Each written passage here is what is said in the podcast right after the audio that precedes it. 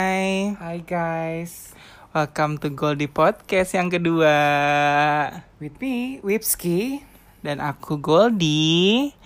Dan kita masih membahas tentang working from home. Quarantine ya. Quarantine days at home. Dan apa sih yang paling kita kangenin dari nggak bisa keluar kayak gini loh? Semuanya tuh lockdown. Kita tuh lagi quarantine harus jaga apa uh, so- social distancing Betul, supaya betul. kita nggak ada di keramaian Pasti gitu. teman-teman udah pada bosen kali ya di rumah terus ya. Bawaannya pengen apa? Traveling dong. Iya sih traveling itu good idea banget karena actually kita juga punya rencana traveling ya wah dalam waktu dekat ini tapi ya Tuhan berkata lain dan juga keadaan berkata lain ya Ya. daripada kita bala ya kena koronces mendingan ya udah kita kita inian aja kita undur aja Yes, kita ini ibaratnya, ibaratnya apa ya? Kayak looking back, eh, apa aja sih pengalaman kita selama pernah traveling, terus eh, tempat-tempat favorit kamu yang pernah kamu jalanin. eh, dalam negeri, luar negeri, terus kalau traveling ngapain aja? Lebih ke shopping kah? Boleh. Makan kah? Boleh, boleh. Nah, kan tadi disebutin di awal kalau misalnya traveling apa aja yang udah pernah kita jalanin. Kalau dalam hidup kamu nih, dari kecil pertama kali, mama papa kamu ngajak ke mana waktu kamu traveling pertama kali? Hmm. Deket Ancol kali ya.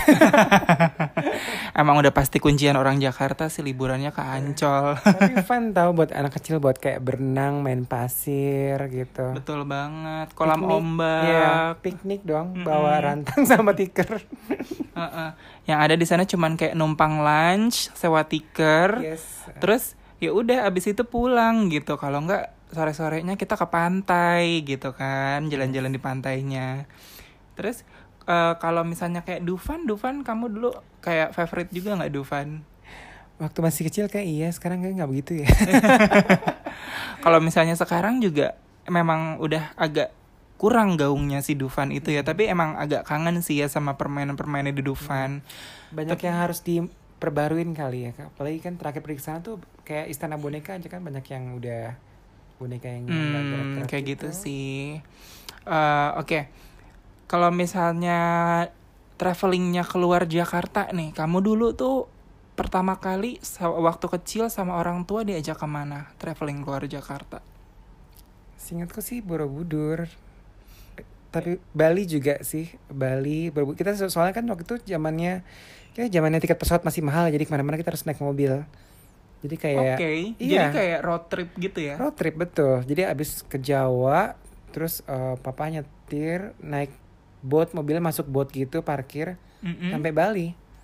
Oke, that's fun gitu. Seru sih. Heeh. Kalau misalnya aku dulu, aku sih inget ya, inget ada fotonya, tapi aku nggak inget memorinya. Oh ya? Waktu itu ke Borobudur juga. Hmm. Nah, itu kayaknya aku masih kecil banget, kayak masih di bawah tiga tahun. Foto-fotonya tuh banyak, tapi nggak recall nih memori aku Masa sih nih. sama sekali nggak ada recallnya Borobudur? Sama sekali nggak ada recall Borobudur, kecuali waktu tangan aku kayak menggapai-gapai di salah satu kayak bangunan relief Stupa ya? Boro- stupa-stupa Ah. Borobudur itu. Yang tiba-tiba aku kok kayak memegang sesuatu gitu. Katanya kan di dalamnya kalau megang sesuatu tuh memang ada eh, patung ya di dalam Hmm, stupa-stupa make itu. wish come true katanya. Mm-mm, tapi ya ya hopefully lah ya gitu. Terus tapi sih yang kalau aku dari kecil itu karena dari kantor papaku itu kita sering ziarah ke makam yang di Bandung. Hmm. Nah, kita tuh biasanya tuh kayak tiap tahun tuh ada gitu liburan bukan liburan juga sih, tapi kayak dari kampus papa Hmm. itu tuh perginya ke Bandung gitu. Tapi memang Bandung juga menyenangkan juga sih ya buat Bandung seru sih. buat jadi agenda traveling Betul. gitu. Aku paling nyaman ke Bandung sekarang naik kereta ya. Soalnya kalau mobil kan suka unpredictable tuh trafficnya. Bener banget. Buatku tuh menyenangkan banget sama meskipun tiga jam naik kereta tapi kayak eh, ngeliat ke jendela gitu. Sebenarnya sekarang kan kereta udah bagus-bagus kan gerbongnya betul kan. betul. Ah. Terus eh, terakhir juga kita waktu itu tahun berapa ya? 2017 kayaknya ya ke bareng-bareng ke Bandung berdua. ya kan? Ada yang baru pertama kali naik kereta guys. ya itu saya guys. Mohon maaf ya aku Nora, aku belum pernah naik kereta. Aku pernah naik kereta tapi di Taman Mini. Ada cerita lucu nih, eh, kan kita kayaknya waktu itu naik kereta gerbang bisnis ya. Uh-uh. Terus kita dikasih makan kayak hot band gitu, apa nasi goreng ya? Kayak- nasi goreng. Nasi goreng kayaknya. ya. Which is nice gitu kan, jadi nggak perlu keluar duit lagi karena sudah include kan. Terus next month ada temanku nih orang kantor, aku mau ke Bandung.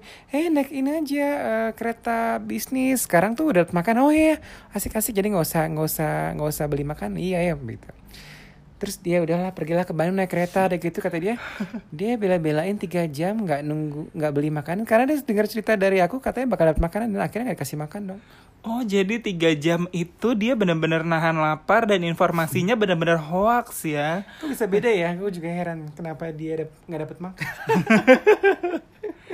Ya mungkin juga untung-untungan kali ya Mungkin di saat itu ketika dia yang lagi ke Bandung Makanannya lagi habis kan kita nggak tahu ya gitu Nah tapi emang liburan ke Bandung naik kereta Terus nikmatin suasana Bandung Walaupun waktu itu kayaknya seingat aku ke Bandung itu kita nggak nggak lama ya Cuman Cuman- kayak Sabtu terus pulangnya Minggu ya Masih? kan Iya Cuman kayak nginep semalam Tiga hari dua malam kali. No, Eh, berangkat Sabtu, pulangnya Minggu sore. Aku ingat banget. Karena kamu liburnya kan Sabtu Minggu waktu Oh itu. gitu, iya, iya, bener. Terus kita kayak eh, mencuri-curi waktu supaya kita bisa traveling tuh waktu itu. Nah, jadi waktu itu tuh kita memang karena cuman semalam kita cari hotel yang memang benar-benar enak banget ya waktu itu di daerah Setiabudi ya. Hotel Mercure ya Mercure ya daerah atas sih. daerah atas Itu simpulnya enak banget dia ada air kolam air panasnya. Jadi kalau berenang malam-malam pun tetap anget. bener banget terus udah gitu kayak memang value for, value for money banget ya kamarnya juga lumayan bagus Masih baru. Karpetnya masih tebal. Harganya cuma sejutaan kok. Oh, oke terus eh, s- karena si hotel yang kita datengin ini deket banget sama tempat yang emang bener-bener kita pengen banget datengin yang dari Jakarta itu yang udah kita lama banget pengen impi-impikan buat datengin yaitu rumah guguk Oh iya. Buat kamu-kamu yang suka anjing tapi nggak bisa merah anjing, main aja ke rumah guguk di Bandung itu di daerah Dago atas ya. Mm-mm. Di situ tuh dekat banget sama eh, apa Hotel Mercure Setiabudi. Di situ ada eh, rumah guguk. Di situ bisa kayak main-main sama anjing-anjing yang lucu, yang nggak cuman anjing-anjing yang kecil, tapi juga ada anjing besar juga ya waktu itu. Lucu banget. Terus, bisa foto, mm-mm. bisa meluk-meluk, Mm-mm. bisa kasih makan gak sih? Hmm, kayaknya enggak deh kalau kasih Additional ya. Additional kalau itu. Dan kita nggak ambil. Kan menghemat. Terus eh kita kalau misalnya traveling udah pasti ya kulineran ya. Iya makan juara Ah, Bandung mah. juara banget kalau Bandung tuh kulineran. Apalagi kayak somai sama batagor Iya. yang ada di rumah mode. Aduh Betul. itu enak banget bikin kangen. Terus kayak eh Surabi Enhai Surabian High. itu enak banget Eh, steak Swiss Butcher, steak murah. Uh, uh, Swiss Butcher di, di, di daerah Setiabudi juga Setiabudi, ya. ya sebelah. Mm-mm. Terus kita pas hari Minggunya juga kita mampir ke itu CFD yang ada di jalan apa aku lupa gitu. Pokoknya di situ tuh ada Kartika Sari. Iya. Terus akhirnya Dago kita atas itu. Uh-uh, entahlah itu apa. Pokoknya eh di Kartika Sari itu akhirnya kita beli oleh-oleh gitu dan bener-bener kayak Bagelan-bagelan, Mm-mm, roti-roti. Uh-uh, terus kita abis itu baru kayak uh, siap-siap buat balik ke Jakarta dan itu bener-bener kayak liburan yang singkat tapi menyenangkan ya. Tetep ada yang di stasiun kereta beli brownies Amanda dong. Terus uh, apa? Uh, setelah di Bandung kita juga mau ngomongin soal traveling kita ke mana lagi nih kalau di dalam negeri ke Bali sih. Mm-mm, ke Bali. Bali. karena Bali itu lumayan jadi go to places buat kita Iya, kalau mau ngangenin, traveling ya Ngangenin. ngangenin banget kalau misalnya di Bali itu ya eh, ini agak agak masuk ke omongan yang kemarin yang pembahasan yang kemarin kita bahas karena kemarin kita bahas kan makanan-makanan yang ada di Bali tuh Iya. kalau sekarang tuh kayak kita akan bahas kayak apa ngapain aja sih kalau kita di Bali gitu. Actually kalau misalnya kita berdua ini kalau traveling itu bukan traveling yang benar-benar kayak ngejar tempat Iya, sih ya. nggak gede-gede ikutin itinerary gitu. Lebih kayak relax aja, enjoy the moment aja pas libur kan soalnya. Iya, karena memang precious time gitu. Kalau misalnya kita lagi liburan, lagi traveling gitu. Terus yang kita bisa bangun siang, jalan-jalan di pinggir Jangan pantai. sedih, habis makan siang kita juga balik ke hotel tidur siang dong. Iya, setelah breakfast kita balik ke hotel mau berenang sebentar, abis itu kita tidur siang deh, ya kan? Tidur siang, abis itu cari lunch, ya kan? Late lunch berarti ya. Heeh, itu enak banget. Terus kalau malam ya boleh lah ya kayak pergi ke kafe-kafe lucu Yes. gitu-gitu atau kayak ke eh, apa tempat-tempat yang memang happening gitu Iya. untuk didatengin yang kayak sayang juga ya udah ke Bali tiket mahal-mahal Yes. tapi nggak didatengin gitu. Tapi tetap aja ya buat kita em, Bali itu bukan tempat untuk kayak oh gue mau pulang pagi, oh gue pengen party gila-gilaan karena kita memang melihat Bali itu adalah tempat untuk kita merecharge energi ya Iya kan sih, heeh. karena kita pulang dari sana kita nggak pengen jadi capek atau jadi sakit Kita- Betul, betul. pulang dari sana kita pengen jadi kayak happy ya kan Ini karena faktor umur juga bukan sih? eh ya juga sih ya ketahuan terus kalau misalnya keluar negeri nih keluar negeri kita omongin dari yang paling dekat aja dulu kita Singapore. Nah, kita ke Singapura itu terakhir 2018 ya, bareng waktu itu. Desember ya? Mm-mm, karena kita ke Singapura itu bertepatan selalu dengan Christmas. Yes. Best time untuk ke Singapura tuh pas Christmas guys karena terutama daerah Orchard ya itu banyak banget company pada lomba eh, dekor mall masing-masing gitu. Mm-mm, Atau kayak company itu lomba-lomba buat Hmm. berlomba-lomba supaya festifnya tuh berasa banget, Betul. supaya gedungnya tuh kayak merayakan sekali itu yang namanya Christmas. Setelah kita ke sana temanya Disney ya. Jadi Mm-mm. mana-mana Disney desainnya. Betul, karena Disney juga waktu itu lagi anniversary ya. Ah iya iya. Ah, ah, lagi anniversary Disney jadi kayak di mana-mana semuanya eh, dekorasinya Disney dan kalau misalnya ke Singapura tuh ya apa sih yang kita lakuin kalau misalnya bukan kulineran lagi ujung-ujungnya ya kan terus kayak pergi ke tempat-tempat yang kayak yang udah lama pengen kita datengin kalau di Jakarta aduh aku kangen nih kalau misalnya pengen ke Singapura pengen ke sini Iya. pengen ke sini itu tuh ke mana kalau kamu Rekomen banget kalau di Orchard buat yang kangen masakan Indonesia. Mungkin kan nggak semua orang cocok makanan Singapura. Aku sukanya di Lucky Plaza itu ada restoran Indonesia namanya Ayam presiden. Ayam Presiden. Itu Pak Jokowi pernah ke situ loh guys. Itu enak banget. Harganya juga oke ya. Mm-mm. Karena di situ juga eh, for your information ya, kalau misalnya di ayam presiden itu, kalau misalnya kita beli ayam, ayamnya juga gede banget. Kita kadang-kadang berdua juga udah kenyang Kadang gitu. suka takut deh ini ayam suntik atau fitness. Mungkin beda kali ayam-ayam Yes, Singapura. iya. Nah terus kalau misalnya eh, kita di Singapura itu, kita juga sering makannya tuh di ini ya. Kalau. Iya junk food Jollibee lah ya yang nggak ada di Mm-mm. Jakarta. Terus Jollibee itu enak banget jujur. Mm-mm. Harus cobain hotdognya sama minumnya dapat apple juice ya.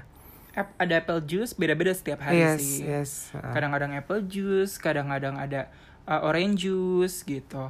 Nah, terus kita juga waktu itu suka banget tuh makan makanan Chinese food yang ada di Winamki ya. Oh iya, gila. Terutama yang suka non halal ya guys. Eh, eh, di situ tuh enak banget. Bebongnya enak, Bebongnya enak, cak kangkungnya enak. bebeknya enak, ya kan? Yes. Terus kayak nasi hainannya juga bener-bener enak dan yang paling Masih aku- ingat gak sih di mall apa itu? eh, kayaknya Marina Square Arena deh. Square ya betul betul. Eh, eh, deket Mandarin Oriental ya. Yes, terkenal kok. Mm, mm. Mandarin Oriental Singapura yang dekat Merlion kalau nggak salah ya. Iya. Ah, ah, betul. Nah di daerah situ Pokoknya ada tuh namanya restorannya Winamki itu kesukaan Yes. kita banget. Kita diajakin sama teman kita di Singapura waktu Recommend. itu. Karena memang farewell juga kan sama Betul, dia. betul. Jadi kayak dia pengen ngajakin kita ke tempat makanan ya, Otentik. tempat Eh, eh, makanan yang otentik buat eh, bener-bener kita tuh bisa kayak nyobain nih makanan Singapura. Jangan cuman makan chili crab, jangan cuman makan ini itu, tapi ini coba ini Chinese foodnya yang enak gitu ya Ada kan. satu lagi yang waktu itu kita buat breakfast di dalam Universal Studio masih ingat nggak?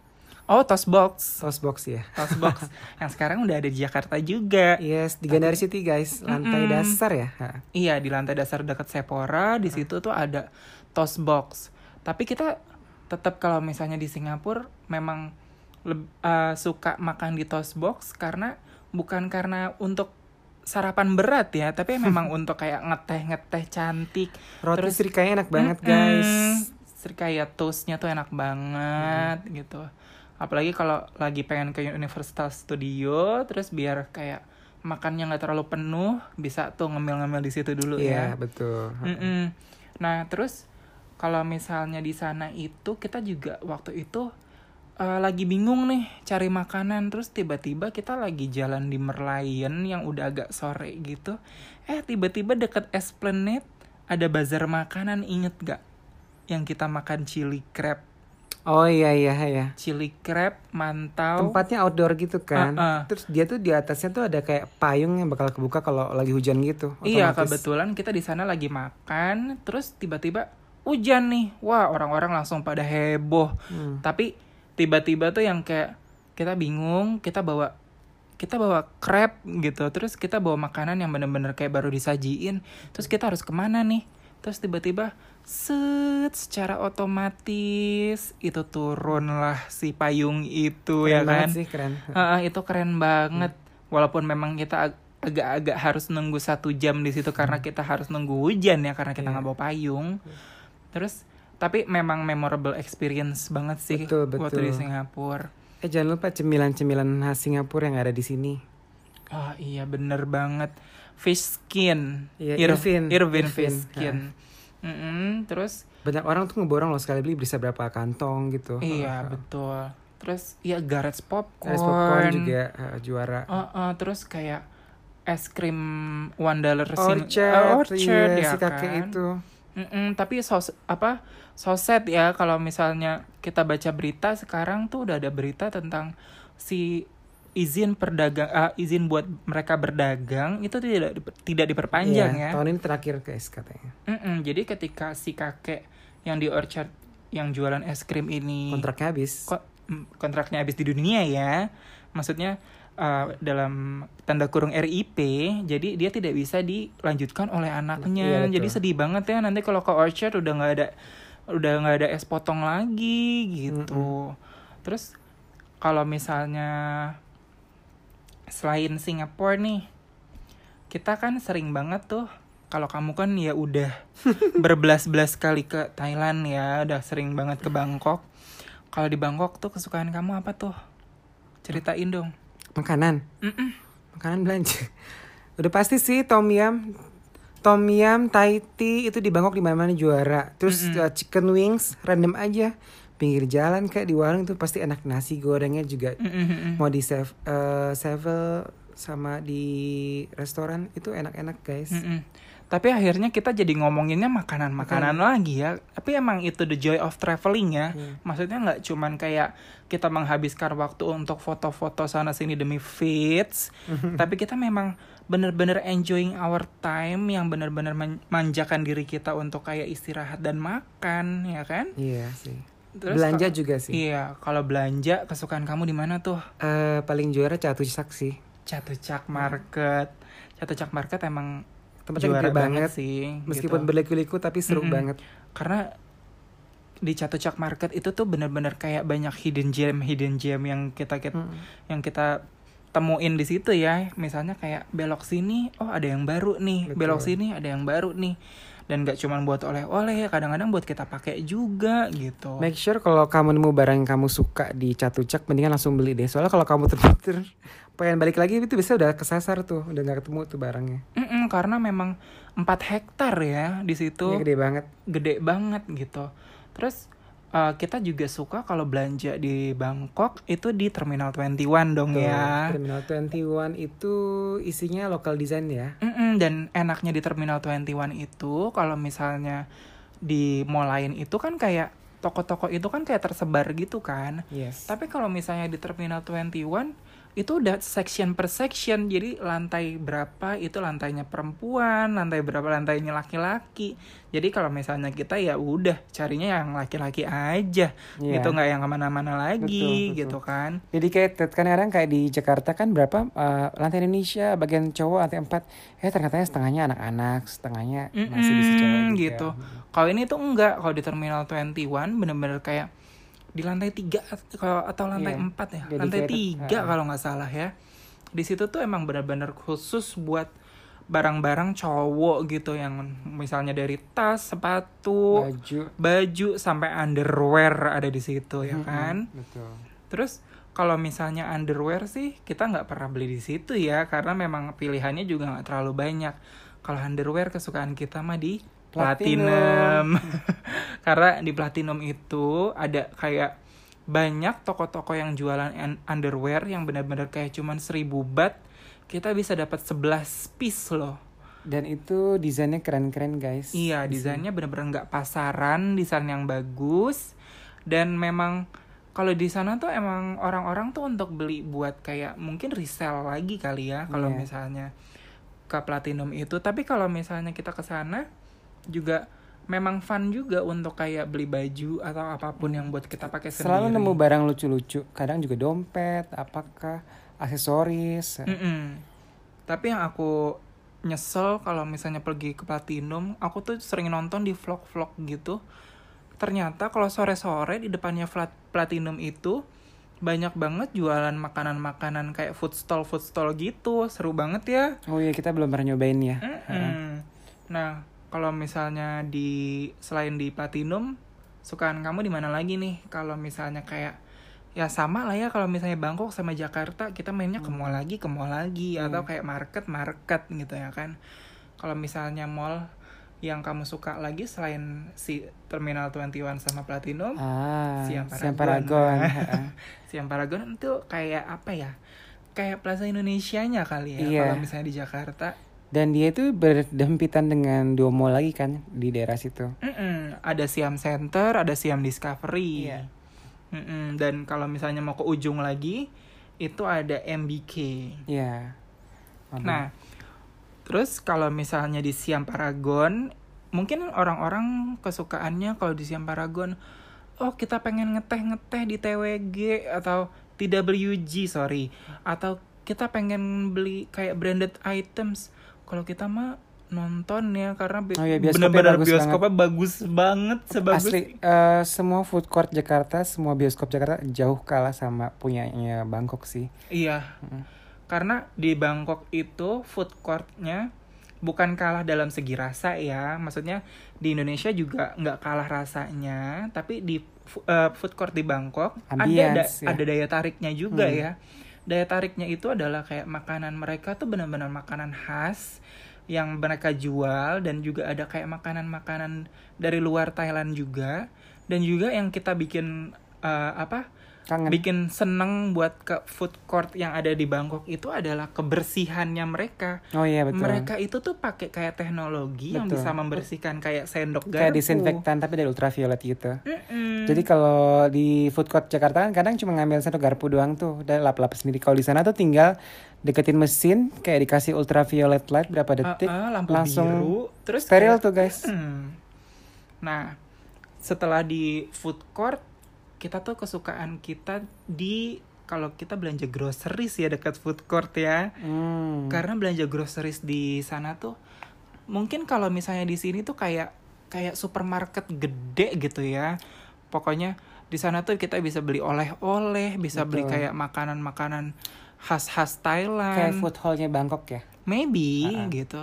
Tapi di sana itu memang dari buah-buahan juga seger-seger ya, makanan juga kayak Lebih enak-enak. eksotik, lebih lengkap daripada sini. Bener. Dan juga kayaknya kalau misalnya kita beli kayak di beli oleh-oleh kayaknya buat dimakan kalau misalnya di tempat-tempat yang agak kurang legit gitu, agak gimana gitu belinya takut tapi palsu Mm-mm. tapi kalau misalnya kita beli di sana ya jadi one stop Iya. ini kan kayak Shopping. shopping, bener-bener di situ kayak mau cari apa juga ada Iya. ya kan Jadi kadang-kadang kita kalau ke Siam Paragon selain eh, makan pasti mampir ke kayak food hall gitu. Mm-mm. Beli oleh-oleh ala-ala Thailand kayak Thai tea Mm-mm. atau tom yum yang bubuk, bubuk, Ah. eh. terus kita kalau misalnya ke sana itu kayak eh, langsung keluar dari food hallnya itu bukan food hall sih namanya Iya. pokoknya kita keluar dari groceriesnya itu kita bakal ketemu sama Garrett's Popcorn. popcorn, ada Swensons juga ya masih kan ngantri dan selalu ngantri lah. Hmm. Mm-mm. Terus kalau misalnya di Siam Paragon nih kita masih ngomongin the beauty of Siam Paragon yang memang kita bener-bener senang datengin nih. Yaitu kita kan tadi ngomong di awal tentang bioskopnya ya. Yes. Nah yang bikin aku kangen dan bikin aku selalu pengen nonton di bioskop di Thailand adalah mereka itu sangat-sangat menghormati raja mereka. Oh, Ya kan? jadi, yang mm, buat yang belum pernah nonton bioskop di Thailand jangan kaget ya begitu masuk itu kita harus berdiri dulu eh, ngeliatin video klip raja dari kecil sampai dewasa terus eh, itu salah satu penghormatan kita ke- eh, kepada raja mereka juga dan itu bukan dilakukan kayak oh raja ini gila hormat. Enggak tapi mereka itu memang benar-benar menghormati rajanya gitu dan sebagai eh, rakyat yang memang benar-benar kayak patuh gitu. Dan it's a ini ya fun experience juga ya buat kita orang-orang yang kalau di sini cuman kayak lihat iklan Iya. kalau sebelum nonton lihat iklan yang diulang tiga kali ya kan? Kayak wow bosan banget. Tapi ini tuh memang kayak pengingat mereka kalau oh mereka tuh memang ada raja yang memimpin dan menjaga mereka dan gitu. dihormati juga. Dan iya yang dihormati juga. Even turis pun semua ikut berdiri loh. Semua ikut berdiri tanpa terkecuali. Karena kalau kita duduk uh, sendirian agak awkward ya yang lain pada berdiri. Terus abis itu ketika film mulai ya ya udah kita nonton kayak biasa gitu. Tapi memang itu sih salah satu yang bikin kita kayak oh ini such a nice experience banget buat nonton di Bangkok betul gitu betul ada satu lagi tuh kalau ikoniknya Siam Paragon itu di luarnya ada dancing fountain Oh iya dancing fountainnya tuh. Dancing fountainnya itu biasanya di dekatnya dancing fountain biasanya sering ada bazar tuh. betul Kayak ada bazar makanan, ya kan? Terus ada acara-acara gitu. Terus kalau misalnya mau ketemu selebgram, artis-artis dari Thailand, ya udah suka tinggal di situ aja ya. Kita Seliweran nongkrong pasti. akan ada kok seliweran siat satu dua satu dua. Orang mereka juga mau ke mana ya? Situ-situ aja ya Iya. kan? Terus kalau misalnya selain Bangkok nih kita kan dari tadi udah ngomongin Bangkok terus nih. Selain Bangkok kita juga punya uh, ada kayak tempat rahasia di Thailand yang kita suka banget datengin. Waktu itu tuh kita ke Hua Hin ya. Wahin Hua Hin itu adalah kayak daerah timurnya Thailand ya. Iya, buat yang belum tahu eh, itu jaraknya sekitar dua jam. Dua jam perjalanan, Iya. mm-mm, naik mobil. Betul. Itu eh, Hua Hin itu tuh seperti apa ya? Mungkin orang-orang kenalnya kayak Pattaya, Krabi. Tapi Hua Hin ini memang kayak suatu daerah yang lagi develop, Iya. lagi lagi memang di dibangun oleh pemerintah untuk menjadi kayak destinasi tempat kunjungan baru ya buat turis-turis ya. Kayak temanku sih itu Hua itu sebenarnya daerah orang-orang kayak keluarga raja gitu. Jadi Mm-mm, makanya lagi mm-mm. banyak hotel-hotel mewah dibangun, apa terus eh, tourism attraction gitu. Di sana bahkan ada itu loh kayak mini Santorini. Santorini keren banget. iya, yang kita foto-foto di situ seru banget. Terus selain foto-foto di situ juga eh tetap ya makan. Hotelnya bagus-bagus so guys dan harganya boleh dibilang murah ya, nggak Murah, nggak- untuk semewah itu. hotel semewah itu. Kita waktu itu nginep di veranda Hotel Betul. Hua Hin. Betul. Dan itu bener-bener kayak kita tuh cuman lihat dari YouTube karena kita pikir oh nih hotel bagus nih. Mm-mm. Dan Tidak. akhirnya pas kita datang kan beneran loh Beneran bagus. eh. Tapi nggak cuman itu aja sih, ada ada sedikit accident waktu kita datang, yaitu silakan bapak ceritakan. Enggak lah itu biasa lah. Pasti eh, an, an ini ya experience buat kita keti bukinnya hilang gitu di dihilangkan dari sistem Iya, karena Ah. bapak ini pakai kartu kredit terlalu banyak, jadi bookingannya hilang. Jadi dianggap kayak cancel gitu ya. Tapi untungnya sih harga walk-innya murah kok, sekitar sejutaan juga. Mm-mm. Dan kamarnya gede banget ya, Pas kita datang kita agak amazed ya sama kamarnya bener-bener kayak gede. gede banget. Tempat tidurnya aja lebih dari 2 meter kayaknya. Iya, kayak tempat tidur. Bisa yang- berempat. Iya, tapi memang itu kamar yang bener-bener Luxury. luxury banget Betul. sih. Jangan kaget itu kayak bentuk hotelnya tuh kayak butik. Jadi kamarnya paling cuma sekitar seratusan something. Even restorannya pun punya chef Michelin star gitu. Jadi eh, bukan hotel biasa ya. Mm-mm, Memang hotel yang chefnya juga chef-chef yang jago banget ya gitu. Jadi kayak terus mereka punya pool juga enak banget, Keren banget. ya. Dan Bentuknya kita- lagun, jadi banyak Mm-mm. pohon-pohon gitu. Jadi ini buat kayak sekitar eh, kayak sekedar gambaran aja. Pokoknya nih hotel ini nih ketika kita masuk kita tuh akan disambut dengan taman Mm-mm. yang berisi air. Gitu. Lalu di ujung kita akan disambut dengan pool Ya. dan setelah pool langsung Laut. pantai. Ya. Itu kayak wow, Deket banget. ha. deket banget sama pantai dan bener-bener kayak memorable experience. Yes. Kamarnya gede dan ada Mm-mm. balkonnya juga. Dan kebanyakan yang ke sana tuh bukan turis ya, malah kayak orang-orang Thailandnya sendiri Yes. karena ha. mungkin kayak banyak yang belum tahu kali ya Could gitu. be. ha. Mm-mm. Dan di sana kita juga kayak mungkin karena di dekat situ tuh nggak ada tempat makanan atau apa, kita akhirnya pesannya room service ya dengan kayak aduh kayaknya nggak enak nih, kayaknya Iya. kayaknya gimana gitu udah kayak underestimate. Ternyata pas dateng Enak banget juara. enak banget dan itu memang harganya juga kayak affordable banget ya. Sekitar 250 baht. Iya, nasi goreng salah. ya. Mm-mm. ha. Mm. itu enak banget dan waktu breakfast juga di situ tuh uh, pilihannya banyak buffetnya buat breakfast Ada yang lucu tuh yang aku suka toiletnya. Heeh, toiletnya bener-bener niat Jadi toiletnya itu ada tempat pipis sama tempat pupi guys. Depannya langsung kolam ikan gitu. Jadi kamu pipis pupi di kamu ngeliatin ikan-ikan gitu depannya. Jadi kayak uh, di situ memang kayak dipikirkan banget ya dari Desainnya, segi mm-mm. dari segi estetika bangunannya dan juga Mm. keindahannya gitu Instagramable banget sih. Even dia punya apa eh, sky deck observation ya. Mm-mm. Naik tangga gitu ke rooftop terus ada kayak apa ya kaca-kaca iya gitu. kayak uh, apa kayak glass Jembatan bridge ya, gitu. glass bridge Mm-mm. betul. heeh. Menghadap ke laut, bagus banget. dan kita bisa kayak kalau misalnya di pantai kita nggak pengen berenang atau kita nggak pengen main di pantai ada juga penyewaan kuda di situ Yes, ya uh. kan seru banget deh pokoknya kalau di hotel itu makanya aku tuh kalau misalnya berandai-andai nih ya mudah-mudahan kalau aku bisa ke sana iya aku nggak mau keluar hotel pokoknya di situ aja Iya, gitu. tapi kalau kelu- nggak keluar hotel juga sayang ya karena kita juga waktu itu ke satu tempat beach club yang bener-bener seru banget ya Scene space Scene namanya. Space Wahin itu nggak jauh dari tempat kita nginep di veranda itu kayak sekitar 15 menit naik mobil kalau nggak Iya. salah ya terus di situ tuh menurut kamu tuh gimana tuh Scene Space Ad- karena keren banget sih. Jadi pertama kan kita kayak takut-takut karena nggak tahu tempatnya kan. Terus kok dibawa ke arah semak-semak ini pikir mau dibunuh kayak. eh ternyata dia kayak hidden hidden gem gitu loh. Jadi Mm-mm. kayak ada bangunan nggak setengah jadi terus pakai tangga-tangga gitu ternyata keren ya. Jadi ada area buat makan es krim, area untuk Mm-mm. cafe untuk heavy terus ada yang yang keren tuh di pinggir poolnya sih. Itu udah kayak di Ibiza kali ya.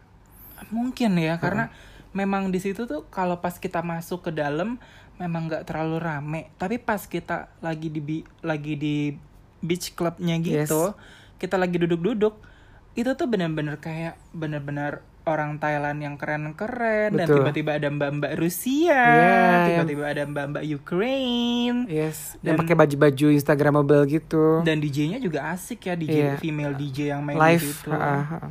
Terus kayak makanannya juga ya lumayan lah ya, maksudnya buat di beach club di daerah terpencil seperti itu, tapi memang lumayan bisa dinikmati banget ya.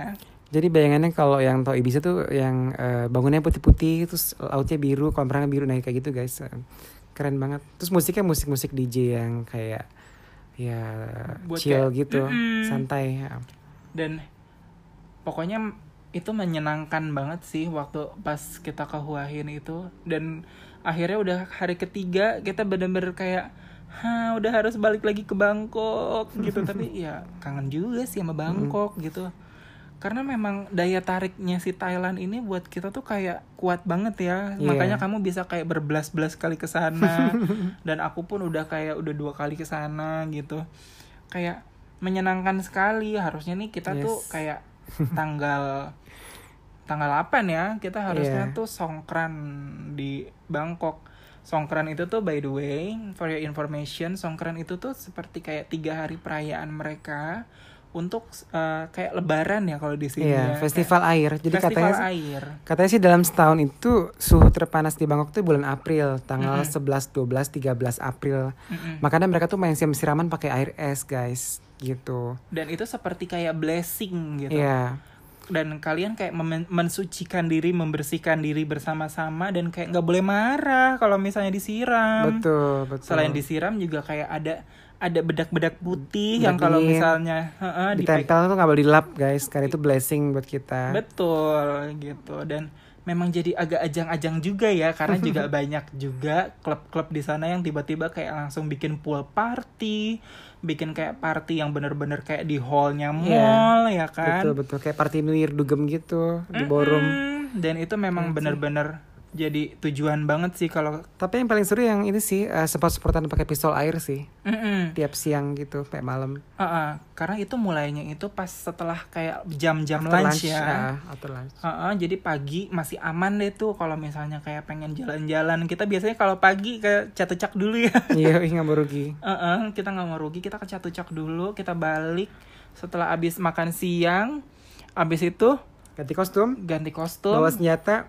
Siap buat beraksi ya kan Jadi bayangin tuh eh, kita pakai tank top, pakai ini kutang lah ya, biar eh, basah kuyup soalnya kan. pakai hot pants Terus senjata masih kosong tuh, belum boleh diisi air kan. MRT harus senjatanya kosong kan. Uh-uh, karena kalau naik MRT itu kita biasanya kan kalau misalnya ke spot buat paling ramenya itu di daerah Silom ya. Betul. Itu tuh kita harus naik MRT. Nah, naik MRT itu tuh ada kayak penjaga yang kita nggak boleh masukin, kita nggak boleh bawa air pokoknya kita nggak boleh bawa air, kita nggak boleh bawa makanan, kita nggak boleh Iya. bawa apa pun karena memang kita harus menjaga kebersihan juga kan kalau misalnya di public uh, transportation kayak gitu. Dah, kalau misalnya di sana itu terus di sana langsung ada pas kita turun banyak yang jual air-air es. Betul. Kalau misalnya air biasa itu uh, 5 bat, air es 10 bat. 10 bat. Hmm. Dan paling seru kalau kita belinya pakai air es. Betul. Ya kan? Karena kalau udah air es Dingin- disemprotin Dingin gila deh. Mm-mm. Dan yang paling seru itu kita ya kalau kontingen Indonesia itu adanya di depan mana? Burger, Burger King. King. kalau misalnya di Best depan spot kalau buat main songkran di Bangkok, cari deh Silom. Silom. Stasiunnya udah gitu cari Burger King di mana nah situ tuh. Semua yang cakep-cakep pada kumpul situ. dan biasanya kayak orang Asia, orang Indonesia, semuanya pada di situ karena di situ tuh kayak sistemnya tuh bukan kayak main semprot-semprotan yang orang diem aja. Di jalan rayanya itu mereka tuh langsung kayak jalannya tuh kayak ngiterin daerah Iya. Silom ya. Kayak orang ini guys naik haji jalan pelan-pelan gitu. Cuma bedanya Kayak orang tawaf. Iya, disemprotin. Dan kamu bisa balas semprot balik gitu. Heeh, dan nggak boleh marah ya kalau misalnya marah. lagi kayak gitu dan di situ memang kayak eh, apa kegiatan yang bikin kayak seru banget sih gitu. Dan nggak boleh nggak boleh yang eh, bete nggak boleh yang marah. Karena waktu itu kita juga agak-agak gimana gitu ya. Kok ada orang datang ke Thailand ketika pas lagi songkran kok marah-marah ketika disemprot? Oh mungkin belum tahu kali ya mbak ini. Gitu. Jadi kayak ya kita maklumi gitu. Ya mungkin eh, itu jadi pelajaran juga buat dia lah ya dan juga kayak menjadi informasi juga nih buat yang mendengarkan kalau misalnya songkran itu kita nggak boleh marah kalau disemprot Ada kejadian lucu nih. Jadi kan memang kita tahu best place buat berdiri kan di dekat Burger King gitu kan. Normally bisa kita jalan-jalan tuh jadi kayak orang tawaf ya. Jadi pelan-pelan. Tapi kita lagi malas jalan kita akhirnya udah deh kita berdiri di pinggir trotoar aja deh. Kayaknya tuh ada spot kosong tuh situ kan berdiri. Mm-mm. Berdirilah kita berdua kan situ tuh. Di belakang kita tuh bagian yang ngisi-ngisi air, di depan kita tuh yang bagian orang-orang yang tawaf keliling semprot-semprot tuh. Jadi, keliling-keliling lah gitu. Pokoknya kalau ada yang lewat depan kita kita semprot gitu kan. Tapi iseng juga ternyata yang di belakang kita bagian ngisi air nyemprot punggung kita. Heeh. Jadi bayangin kita di tengah trotoar dari Disemprot belakang depan, punggung dari belakang juga disemprot. tiba-tiba itu kan kita berdiri dekat gedung dari rooftop gedung guys itu ada yang nyiram pakai seember-ember ke kepala kita. Aduh. Jadi atas kepala, punggung, depan, ber ber. Jadi buat yang kalau kuat sih ya ngikutin songkran ini dari sore sampai malam. Yes. Tapi kalau kita ya udah laule ya. Jadi kita kalau misalnya songkran ya tiga jam itu udah paling lama ya, udah Iya. lapar gitu. Air Perut es, udah guys. lapar, badan udah dingin Iya. gitu ya kan. Tapi seru sih ya. eh, langsung kayak nyari Silom Square waktu itu kayak mau terdekat, kita nyari makan anget-anget, baru deh kita kita pulang. Biar kita dinner nggak usah keluar-keluar Iya. lagi karena kalau misalnya kita keluar pasti disiram. Iya. Ya kan? Akhirnya eh, memang eh, Tapi- kayak kegiatan-kegiatan kayak gitu sih yang bikin Seru. senang ser- dan bikin kayak pengen balik lagi ke Thailand gitu. Betul. Buat yang belum pernah ke Thailand cobain ya sekali-sekali ke pas bulan April pergi pas songkran itu bakal memorable banget. Dan katanya juga pas Christmas sama pas New Year di sana Bagus. juga seru ya. Iya. Tapi kita belum pernah coba karena Iya. kalau Christmas kita biasanya Singapura. Singapura. Kalau New Year kita bisa di Jakarta gitu. Betul. Nah, buat eh, semuanya pokoknya itu kayak cerita-cerita kita yang bisa kita share untuk menemani kalian work from home.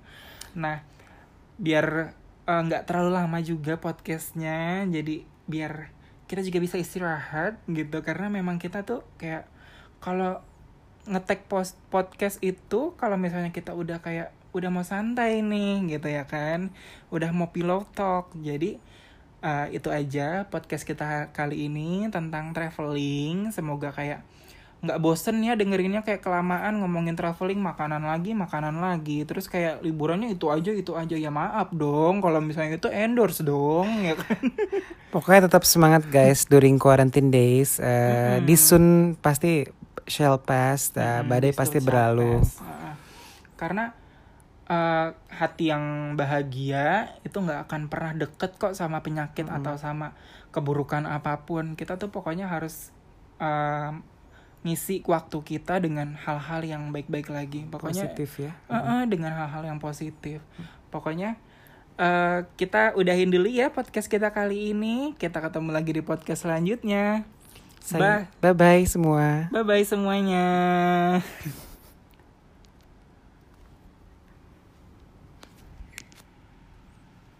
Berapa jam?